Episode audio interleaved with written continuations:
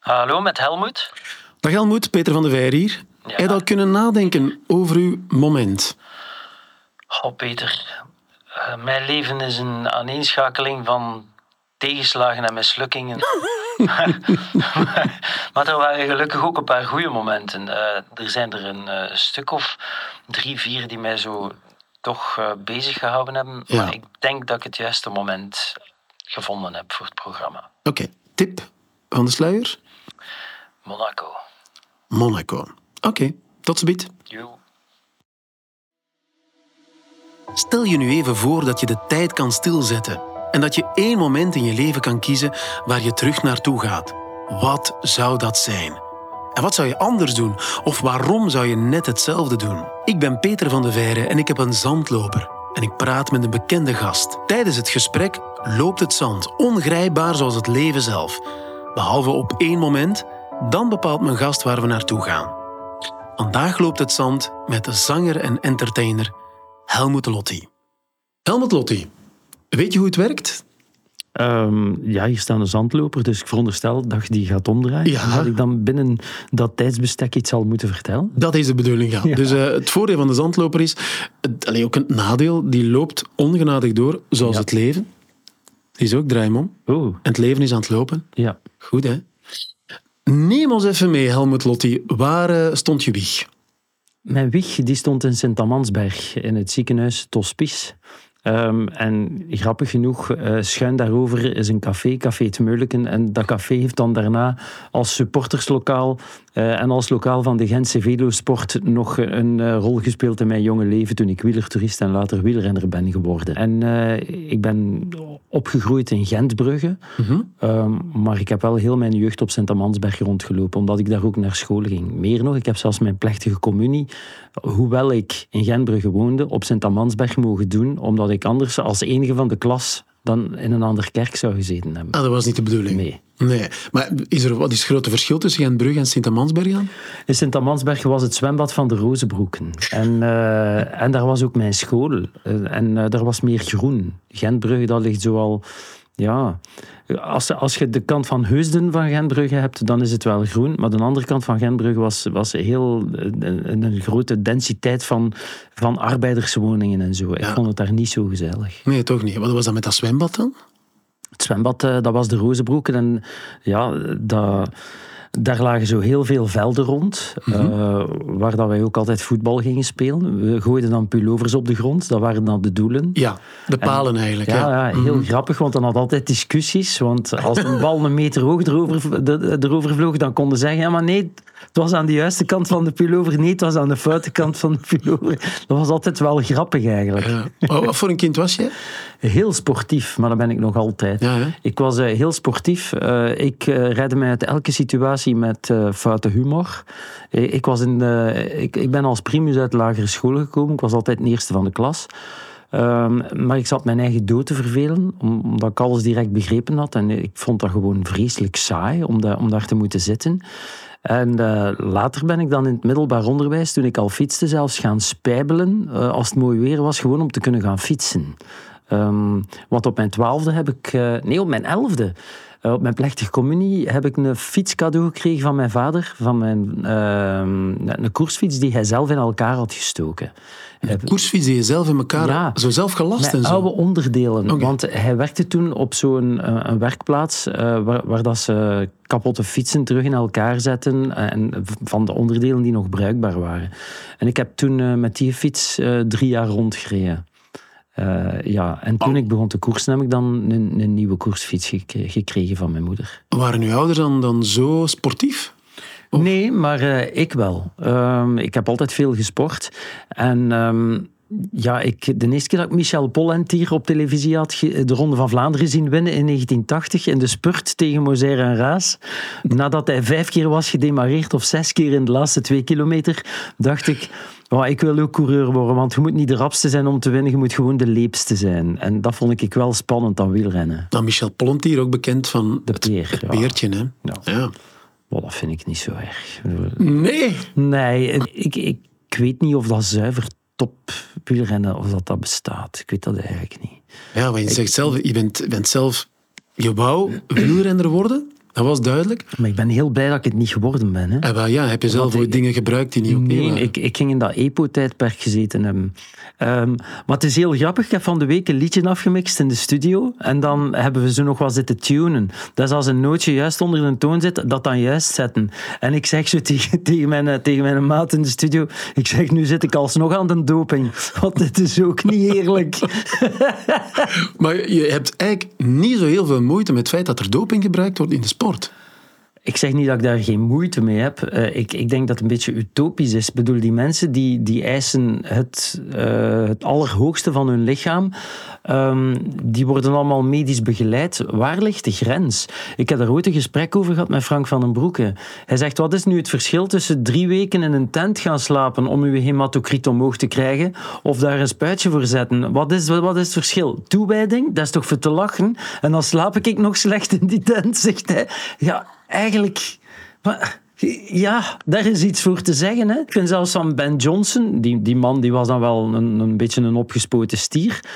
Maar hij heeft nog altijd wel zelf gelopen. Het is niet van dat daar wieltjes onder zaten. Ik, dus ik, ik vraag mij af waar dan medische begeleiding stopt, waar dat, dat dan doping wordt, wat je wel en niet mocht toelaten. Ik vind die grijze zone heel erg interessant eigenlijk. Heb je zelf ooit die grijze zone opgezocht dan? Eh, nee. Nee. Nee, nee, nee, nee, nee. Ik, eh, ik had zo weinig talent. Ik had eigenlijk aanleg voor talent als wielrenner. en ik, dat was eigenlijk zo slecht dat ik eh, redelijk snel beslist heb om daarmee te stoppen. Het is niet dat de zangcarrière in de plaats gekomen is van, van het wielrennen, dat je daardoor gestopt bent. Nee, is daarvoor al nee, nee het- het, eh, ik heb 13 koersen gereden, ook een, ook een goed getal. Ik ben geen enkele keer eh, tot aan de aankomst geraakt. Geen enkele. Nee, geen enkele keer. Ik kon niet in een peloton rijden, Peter. En wat krijg je dan?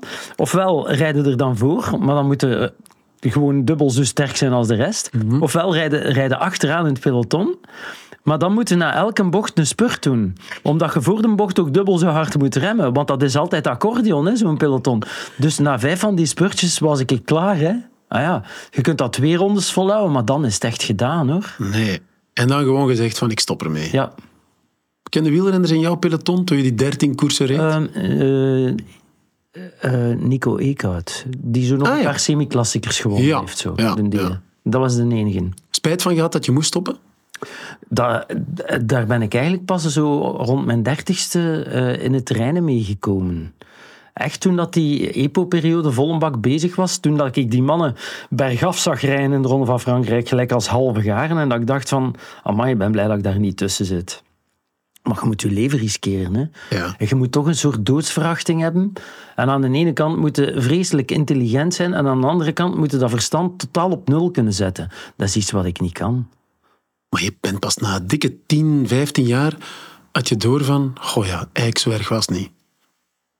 Het heeft mij altijd eh, gefrustreerd ehm, dat ik dan geen wielrenner ben geworden, eigenlijk, ja. Ehm, maar met de jaren ben ik dan beginnen beseffen hoe plezant dat is om op een podium te staan. En ook beginnen beseffen dat je daar toch een langere carrière mee kunt hebben. Want, allee, kijk, ik ben... eh, ik ben net 54 geworden en op mijn 53ste ben ik plots nog getransformeerd van semi-klassieke naar hardrockzanger. Ik bedoel, in welk beroep kunnen zulke dingen doen? Het is, jouw carrière is echt wel inderdaad waanzin. Ooit begonnen met, met de Soundmix Show, maar daarvoor was je waarschijnlijk toch ook al aan het zingen. Wanneer besef je van, goh, die muziek of dat zingen, dat zit wel in mij. Toen ik zes jaar was. Ik heb altijd kunnen zingen. Eh, toen Sinterklaas naar school kwam, sprong ik eh, op, op de bank op de speelplaats. En, eh, en ik begon, eh Ziegins komt de stoomboot, echt te schreeuwen gewoon. En dan daarna, eh, bij plechtige communies en bij eerste communies, zo als, er een, als, als, als de klas in koor moest zingen, was ik bij de voorzangers. Ehm, in de klas ook. Hè. Dan leerden we een liedje en dan zei de leraar, oké, jij mocht een stuk zingen en jij. En dan waren er zo zes, zeven die mochten zingen. En dan mocht ik ook zingen. En na die les, als dan speeltijd was, dan kwamen de jongens van de klas naar mij op de speelplaats en die vroegen, hij zingt dat liedje nog eens, want als jij dat zingt, klinkt dat helemaal anders. En dat was ook zo, want ik ben fan van Elvis van mijn vijfde en elk liedje wat ik ooit in mijn handen gekregen heb, heb ik altijd verelvist. Dat was de, de- mijn succesnummer toen ik eh, acht was, was Cowboy Billy. En dat ging zo. Cowboy Billy is een rare met zijn mondharmonica. En s'avonds speelt hij op de ranch en lied, zijn nieuwste liedjes na. En, en bij mij was dat dan... Cowboy Billy is een rare met zijn mondharmonica. En s'avonds speelt hij op de ranch zijn nieuwste liedjes na. Zo, zo was ik al bezig als kleine gast. Acht En- jaar. ja, en, die man, en, en dan die jongens op de speelplaats, die gingen dan hun vrienden al van, hey, hey, kom, eens, kom eens luisteren. En dan stonden ze met tien man rond mij. Ja, en ik merkte dat dat werkte. Dat het marcheerde. En dan in de vakantiekolonie, dat was dan het eerste contact met de meisjes in de zomer zo. In Sint-Idesbald aan de kust eh, was dat elke avond in de sporthal. Na het avondeten werden er nog wat spelletjes gespeeld of zo. En dan begon ik te zingen. Hè. En ik, aan de meisjes die kwamen allemaal rond mij aan. Dus, ja, ja. Ik had, dus ik had wel door dat dat werkte. Hoeveel meisjes had je zo per vakantiekolonie? Eh, ik, ik had eh, elke zomer wel een liefje, ja. ja. Maar dat was heel braaf. Hè. Dat was een kusje op de mond en dan een arm rond de schouder en zo. Dat was allemaal heel erg onschuldig. Helmoet, het leuke is aan de zandloper, ehm, we kunnen het leven even stilzetten. We gaan terug naar een moment en jij mag bepalen welk moment het is. Waar zitten we, in welk jaar en wat zien we? We zitten in 1997 in Monaco op de afterparty na de World Music Awards. De World Music Awards. Ja. Was dat van MTV dan? Of, eh? Ja, dat was Ja. eh, van MTV. En ik had een World Music Award gewonnen eh, als best verkopende artiest van de Benelux. 1997. Helmut Lotti Goes Classic. Oké. We gaan de zandloper laten verder lopen. We weten waar we zitten. We zien het ook voor ons. Wie zat er nog in de zaal? Ehm, de Bee Gees waren daar, Lionel Richie was daar, John Bon Jovi, Céline Dion eh, en, en zo, eh, Vanessa May, Ah, de, de violisten, ja. Eh, Florent Pagny, die Franse eh, eh, poptenor. Mhm. Ehm, ja, dat was een bont allegaartje van wereldsterren. En Helmut Lotti zat daar ook. Ricky Martin was er ook. Oké. En ik was daar dus ook. en wat gebeurt er daar? Ehm, ja, we zitten dus allemaal aan van die mooie ronde tafels. Heel chic diner. Prins Laurent zit naast mij. We zijn aan het praten. eh, eh, en en aan, eh, de- mijn manager zit ook bij mij, Piet Roelen. En aan de andere kant zit dus een Amerikaanse man die de directeur van Delta Airlines blijkt te zijn. En mijn manager en die man die geraken aan de praat. En eh, Piet, mijn manager, die zegt... eh, Helmoet zou graag eh, prinses Stefanie eens gaan begroeten. Van Monaco. Van Monaco. Waarom wou je die trouwens ontmoeten? Ja, ik wou die gewoon eens echt goeiedag zeggen. Ja. Niet En- meer dan dat. Uh, en die man, die man die zegt, I can arrange that. En, eh, en toen zei Piet, eh, ja, maar ik, ik, eh, ik zou ook willen dat je ons misschien een dienst bewijst. Ik zou heel graag hebben dat Helmut hier op een stoel gaat staan, dat jij hem aankondigt en dat hij dan Nessun Dorma a cappella zingt. En die man, are you crazy? En Piet zo, nee, nee, nee, nee, eh, je zult het wel zien, dat gaat hier fantastisch werken. En die man, oké, zegt hij. Op een bepaald moment, die, die pakt zijn mes, ting, ting, ting tegen zijn glas. En effectief, iedereen zweeg, hè, want blijkbaar moet hij toch belangrijk geweest zijn. Die man kondigt mij aan, ik stel mij op die stoel. Ik zing Nessun Dorma, recht naar prinses Stefanie. Nessun Dorma is gedaan. En eh, ik heb met die man naar prinses Stefanie. Ik geef die een handkus. En ik kom terug op mijn plaats. En, en ik ben dolgelukkig. Dat was het. Je hebt er niet mee gepraat. Nee, ik heb gewoon goeiedag gezegd en in een handkus gegeven. Maar dan, maar dan komt het beste. Tien minuten later komen de mensen van de platenfirma Sony... die komen naar ons gestapt en die zeggen tegen mijn manager... wij willen heel graag Helmut hebben... eh, om met Placido Domingo te zingen op Christmas in Vienna. En dat kwam dus gewoon door mijn act op die stoel. En wat, wat ik op dat moment niet wist... Piet was al in onderhandeling met de platenfirma eh, eh, BMG in Duitsland. En hij had al gezegd tegen de directeur van die platenfirma: eh, Ik wil dat als jullie Helmut dan gaan lanceren internationaal, dat dat dan ook eh, niet onopgemerkt gebeurt, maar dat daar een serieus marketingbudget is. Want in, in, in de muziek om artiesten te lanceren, je denkt dat dat gaat om mooie liedjes, maar dat gaat vooral om investeren en veel reclame maken. En eh, wel, die een Duitser, waar dat hij toen mee aan het onderhandelen was, die heette ook Helmoet, Helmoet Vest. En die kwam naar Piet En die zei, oké, jetzt heb ik verstanden wat du meinst. Ehm, eh, we, gaan, eh, we gaan dat hier heel gründlich aanpakken. Dus die dag is eigenlijk gewoon de kiem gelegd van heel mijn internationale carrière. Dat is straf, want stel dat je dan niet op die stoel was gaan staan, niet had gezongen voor prinses Stephanie, was het... Nee, nee. Af en toe moeten van die zotte dingen doen. En eh, ja, ik, ik luisterde naar Piet. Eh, omdat ik eh, het volste vertrouwen had in zijn eh, instinct op dat vlak. En ik was ook niet bang om dat te zingen, omdat ik dat kon. Dus ik dacht, oké, we gaan dat doen. Van die Piet Roelen, mensen kennen die natuurlijk, die kennen die naam wel. Hoe heb je Piet Roelen leren kennen? Dat is ook een moment dat ik nooit ga vergeten hoor. Ehm, kijk, ik had een manager, Roland Bernard, eh, in 1989 en 1990. Mhm. Maar daar zijn een paar dingen fout gelopen. En, eh, Piet, Zoals? Ja, met mijn planning en carrièreplanning, de manier waarop dat alles liep. eh, ehm, ik, ik had eigenlijk geen goede. Roland was een, een toffe gast, maar ik had eigenlijk geen goede professionele begeleiding. Oké. En ehm, door omstandigheden, er was ook een dispuut tussen Roland en het bureau waar dat ik eigenlijk eh, getekend was, ABC Studio. En daar, daar dreigde eh, gerechtelijke miserie te komen. En toen is Piet daartussen gekomen. Want het is Goedele Liekens die gezegd heeft tegen Piet Roelen, eh, want die kennen elkaar. eh, Piet, heb jij die Elvis gezien op televisie? Daar moet jij iets mee doen. Vanuit de Soundmix Show in Nederland. Ja. Vanuit de Soundmix Show in Nederland. En, eh, en, en toen heeft Piet mij vrijgekocht bij ABC Studio. En op een bepaald moment ging ik dan optreden met zijn orkest. Want Piet had een paar orkesten, want die organiseerde feesten overal. En ehm, had een boekingskantoor. En ik stond op het podium met een van die orkesten en die komt eh, de zaal binnengewandeld. Maar ik had van Piet Roelen al horen vertellen van ja, een gladde Hollander en de geldwolf en bla bla en bla bla. Want mensen, kijk, dat is ook zo typisch, sorry dat ik dat zeg, typisch Vlaams. Aan de ene kant eh, hebben ze een hekel aan de gierigheid, zo gezegd, van Nederlanders. Terwijl dat geen gierigheid is. Die mensen zijn gewoon heel bewust met geld bezig. En aan de andere kant gaan ze er wel altijd gebruik van maken als ze kunnen. Hè? Maar Piet komt naar mij gestapt. En ik zag gewoon aan de manier waarop hij hem binnenkwam. Oké, dat is Piet Roelen.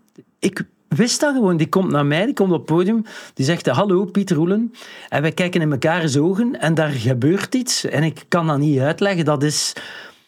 Ja, je voelt onmiddellijk die energie. En, je- en ik wist gewoon, dat is het. Dat is hem. Die hebben nodig. Ja. Nooit ruzie gehad met Piet? Jawel, regelmatig. Maar dan Ja? moet, maar, ja, maar dat moet ook kunnen. Eh, je, je, je moet ook... Ja, nee, ruzie niet. Artistieke meningsverschillen. En en eh, dat, dat ik soms dingen deed waarvan ik dacht, waarom moet ik dit nu weer doen? Gelijk dat van die stoel. Ik dacht van, ja, dat, dat was blind gaan. Hè? Maar ik dacht, ja, dat gaat hier niet voor niks zijn dat hij dat vraagt. Hè? Ah, ja. Nu, die internationale carrière die is er meer dan gekomen, nog altijd. Maar als we even terugspoelen, stel dat je de Soundmix Show, dat dat nu niet lukt, dat die zangcarrière totaal niet lukt. Wat, wat word je dan? Wat zou jij gedaan hebben in je leven, denk je? Ah, wel, dat gaat nu heel erg klinken, hè? maar eh, ik weet het niet. Ehm, want ik kan redelijk goed schrijven. Eh, ik had gedacht aan journalist, maar ze hadden gezegd tegen mij: d- dan moet je Pol en Sok studeren.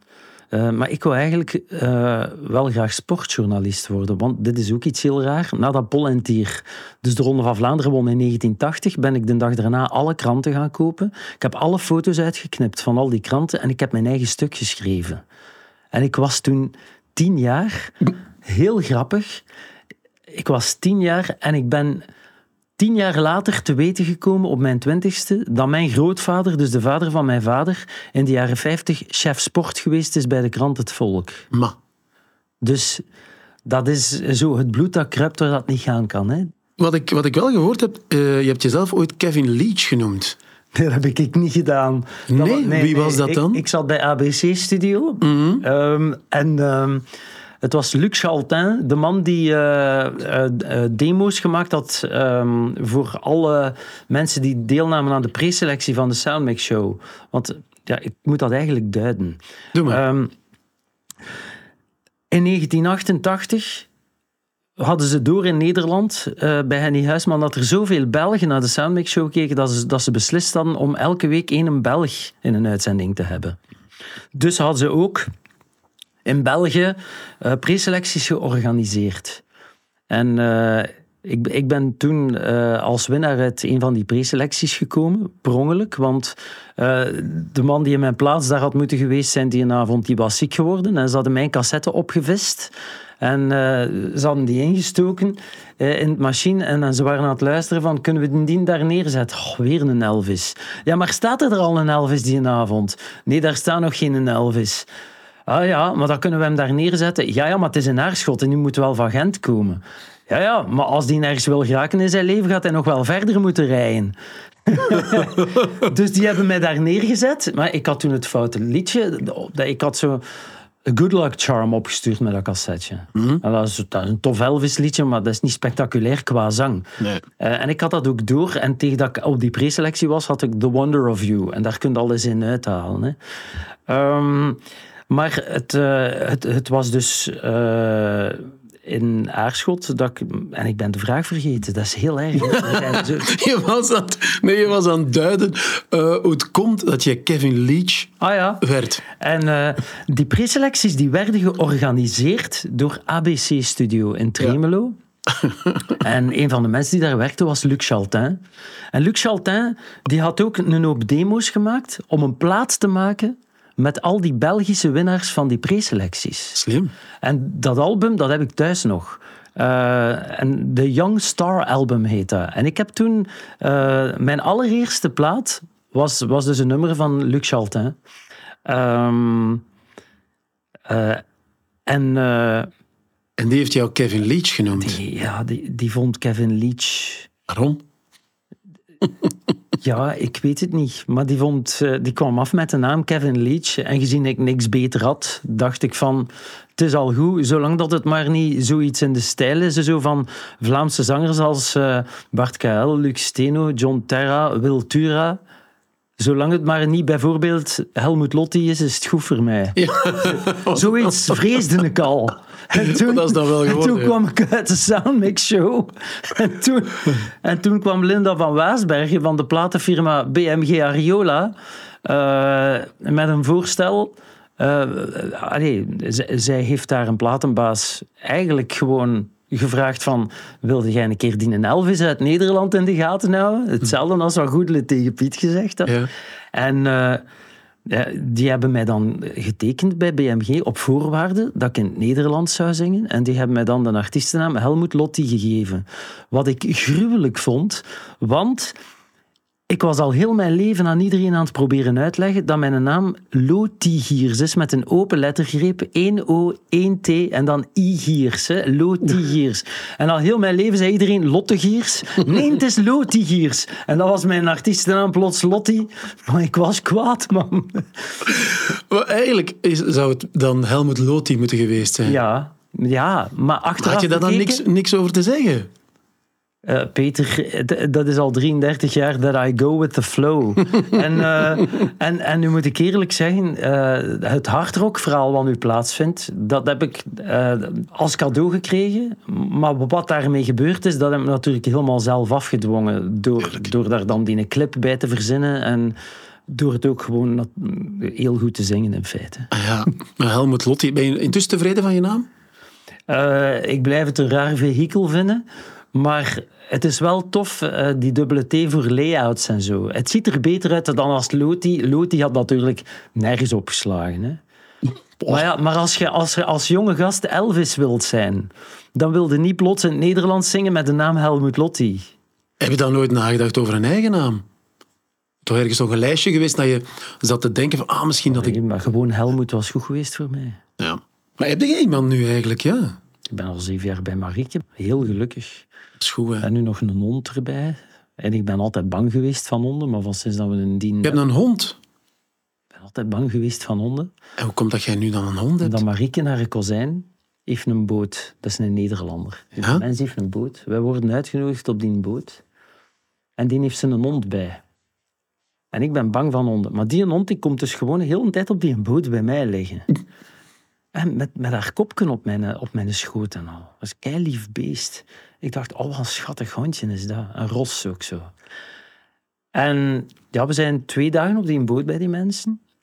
En eh, het grappige is, Gert-Jan, haar neef, hè, die is dus ook zo, dat is een rosse bonk van een vent. En eh, die heeft dat geregistreerd. Die heeft dat opgenomen. En twee jaar later heeft hij een hond, die is zwanger. Ah, En ehm, er worden vier pups geboren, twee doodgeboren, omdat het een vroeggeboorte was. En dan twee die het overleefd hebben. En de ene heet Jantje en de andere heet Gerrit. Genoemd naar oom Jan, want dat is Gert-Jan, dus Ja. de baas van die, van die hond. De neef van Marieke heette Gert-Jan, want hij was genoemd naar oom Jan en oom Gerrit. Dus die hondjes die heten dan Jantje en Gerrit. En waarom heten die zo? Omdat Gert-Jan op dat moment terminaal ziek is ah. van leverkanker. En die vraagt aan mij van, wilde jij alstublieft een van die hondjes kiezen? Je krijgt die van mij. Het enige wat, je moet betalen zijn de kosten van een dierenarts en zo. En de inschrijving, allee, dus Mhm. chippen en zo. Eh, en de- ik heb voor eh, Gerritje gekozen. Ehm, en ik had Gerrit 14 dagen en toen heb ik op de begrafenis van Gert-Jan gezongen. ah. Dus ik kan die hond niet loskoppelen van die mens. En ik heb door die hond geleerd van geen schrik meer te hebben van honden. Want je, moet, je kunt niet anders dan voor zo'n beest zorgen. Dan moet je dat ook goed doen. Eh, en als ze mij twee jaar geleden gezegd, je gaat op hondenweiders rondlopen tussen Rottweilers en Sint-Bernards en, en Dobermans, dan had ik gezegd, zijn jullie gek? En nu wil ik echt gewoon elke hond die ik zie goeiedag gaan zeggen. Ik vind dat... dat zijn, en het is zo grappig, maar natuurdocumentaires, hè, die zien er ook helemaal anders uit nu dat ik een hond heb. Omdat elk levend wees, el- elk beest, hè, daar zie ik op een of andere manier iets van die hond in. Een vogel die eten aan het zoeken is. Of Gerritje die eten aan het zoeken is. Of een hert dat zo kijkt, zo van, dat, omdat geschrokken is van iets. Of die hond, dat is allemaal hetzelfde. Die, dat is, dat is keischoon om te zien. Er is een hond nodig geweest om u te veranderen. Eh, om van mij nog meer de natuurmens te maken dan ik eigenlijk al ben. Ja. Toch nog even terugspoelen naar eh, het moment van Monaco. Eh, die gesprekken die beginnen zo. Want sommige mensen hebben dat niet, eigenlijk niet altijd even goed door. In welke landen kennen ze Helmut Lotti intussen? Ze kennen mij in meer landen dan waar dan mijn platen uitgekomen zijn. Dus dat kan ik u niet zeggen. Maar officiële releases van platen hebben wij gehad in alle Scandinavische landen. Dus eh, Denemarken, Zweden, Noorwegen en Finland. Ja. Ehm, hebben we gehad in Canada, in de Verenigde Staten, waar ik ook twee uitverkochte tournees gedaan heb met mijn eigen orkest. We hebben twee keer Broad- op Broadway eh, uitverkocht, in het Lincoln Center. Dat was fantastisch. Ehm, in Frankrijk heb ik een gouden plaat gehaald. Eh, in Duitsland, Oostenrijk en Zwitserland. En dan nog in Zuid-Afrika. Dat zijn eh, de landen waar wij uitgekomen zijn. We hebben een release gedaan in Spanje, maar er is niet echt iets gebeurd. Nooit overwogen om Helmut Goes eh Espanol, bij manier van spreken, te gaan? Maar kijk, ik heb twee Latijns-Amerikaanse albums gemaakt. Maar Ja. dat is toch een beetje hetzelfde dan als Il Volo volgende week een album in het Nederlands zou uitbrengen met liedjes van, van Wiltura en Willy Sommers. Bedoel, dat zou ook niet echt marcheren, denk ik. Eh, bij welke Goes ben je het gelukkigste geweest? Eh, ik was heel blij met de Crooners. Ehm, om, omdat de Crooners eh, een dubbelalbum was. Ehm, en het ene album, dat waren twaalf covers. Liedjes van Dean Martin en Perry Como en Nat King Cole en zo. En het andere album waren twaalf nummers die ik zelf geschreven had. Dus daar was ik heel trots op en heel blij mee. Ik was ook heel blij met Helmut Lotti Goes Classic 3, die we aan het Kasteel en Aartselaar hebben opgenomen, omdat daar heel veel Elvis-invloeden in zaten. En omdat dat het meest feerieke en romantische van de drie klassieke albums was. En eh, eh, in tegenstelling tot wat de mensen denken, was ik niet zo zot van mijn Elvis-album. Om, Nee? ik ben Maar je heel- wil altijd Elvis zijn. ja, maar ik ben een heel grote Elvis-fan. Dus ik ben met veel te veel respect aan dat album begonnen. Eh, en ik wou aan de ene kant zo dicht mogelijk bij Elvis blijven en aan de andere kant er absoluut iets anders mee doen, waardoor het zo wat mossel nog vis is geworden. Ik vind bijvoorbeeld wat ik nu op mijn metalplaat gedaan heb, met die mashup van Elvis en een That's Alright, met heel het gitaararrangement van The Ace of Spades, dat is voor mij veel interessanter en veel leuker. Ik zie mijzelf zo wel een Elvis hardrockplaat maken. Ik denk dat dat nog wel zou werken. Ja, want ik merk dat jij je op dit moment geweldig amuseert. Ja. Meestal wel. Ik herinner me wel een moment toen je, eh, onder andere met Stef Camille Carlos, die, die was toen producer van, ja, noem het iets credibeler eh, muziek. Ja. Was je daar gelukkig mee? Ik wou zelf eh, een Nederlandstalig album maken. Ik had een tournee gedaan. eh dat is heel raar. De reden dat ik dat in het Nederlands wou doen, is dat ik net was gaan optreden in Australië. En dat dat de eerste keer was eh, met mijn crooner repertoire. Met mijn zelfgeschreven nummers ook in, in, in die show eh, in het repertoire gemengd. Zo. Dat, dat was de eerste keer dat ik zoveel respons kreeg op eigen repertoire. Ook al was dat dan Engelstalig, maar die mensen verstonden de teksten, die, die begrepen de humor en zo. En dat was voor mij zo plezant en zo bevredigend dat ik dacht van oké, ik moet gewoon eigen nummers gaan schrijven. Maar dan moet ik dat waarschijnlijk, eh, gezien het in eerste instantie voor Vlaanderen is, in het Nederlands gaan doen. Daarom heb ik die Nederlandstalige plaat gemaakt. Ehm, mijn eigen repertoire. Maar ik was toen ondergedompeld in de Antwerpse eh, culturele scene.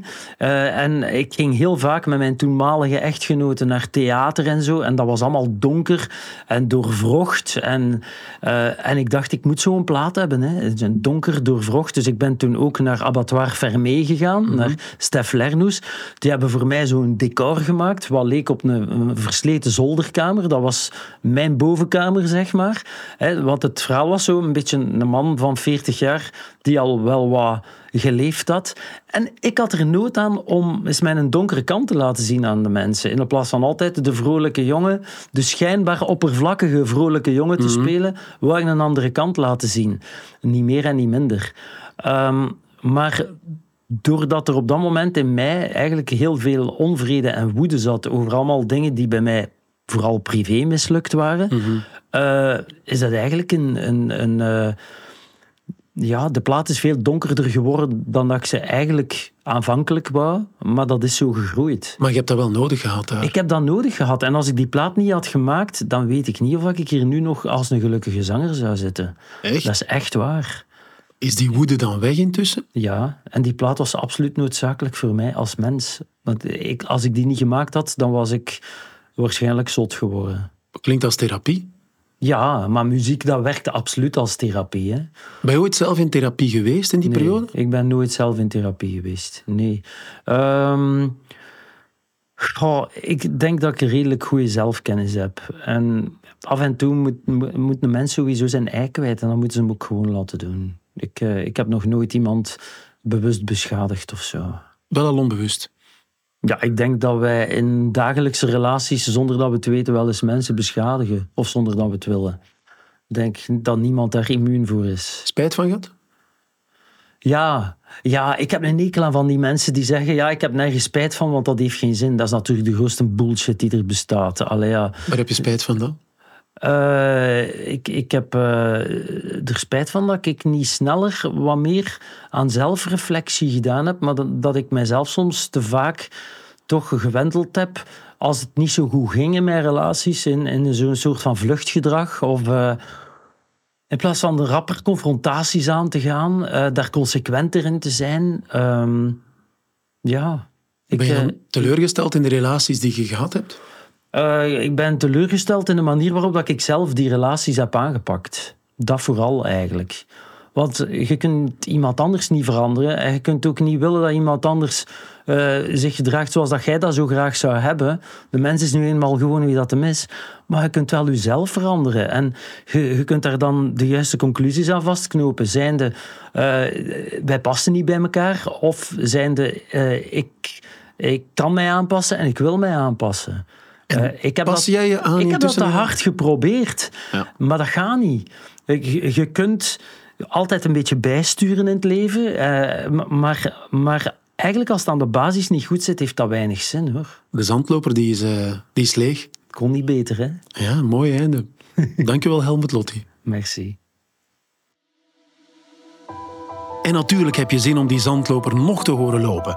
Dat kan, want ik sprak ook met actrice Maaike Kafmeijer. Op een bepaald moment kreeg ik dus van een van die priesters een brief waarin dat hij mij vroeg of dat ik misschien uh, zou kunnen intreden bij de zusters of dat ik dan een keer wou met hem over praten. Dat hoor je in een volgende aflevering. En vraag jezelf ook even af, op welk moment zou jij de zandloper willen stilzetten?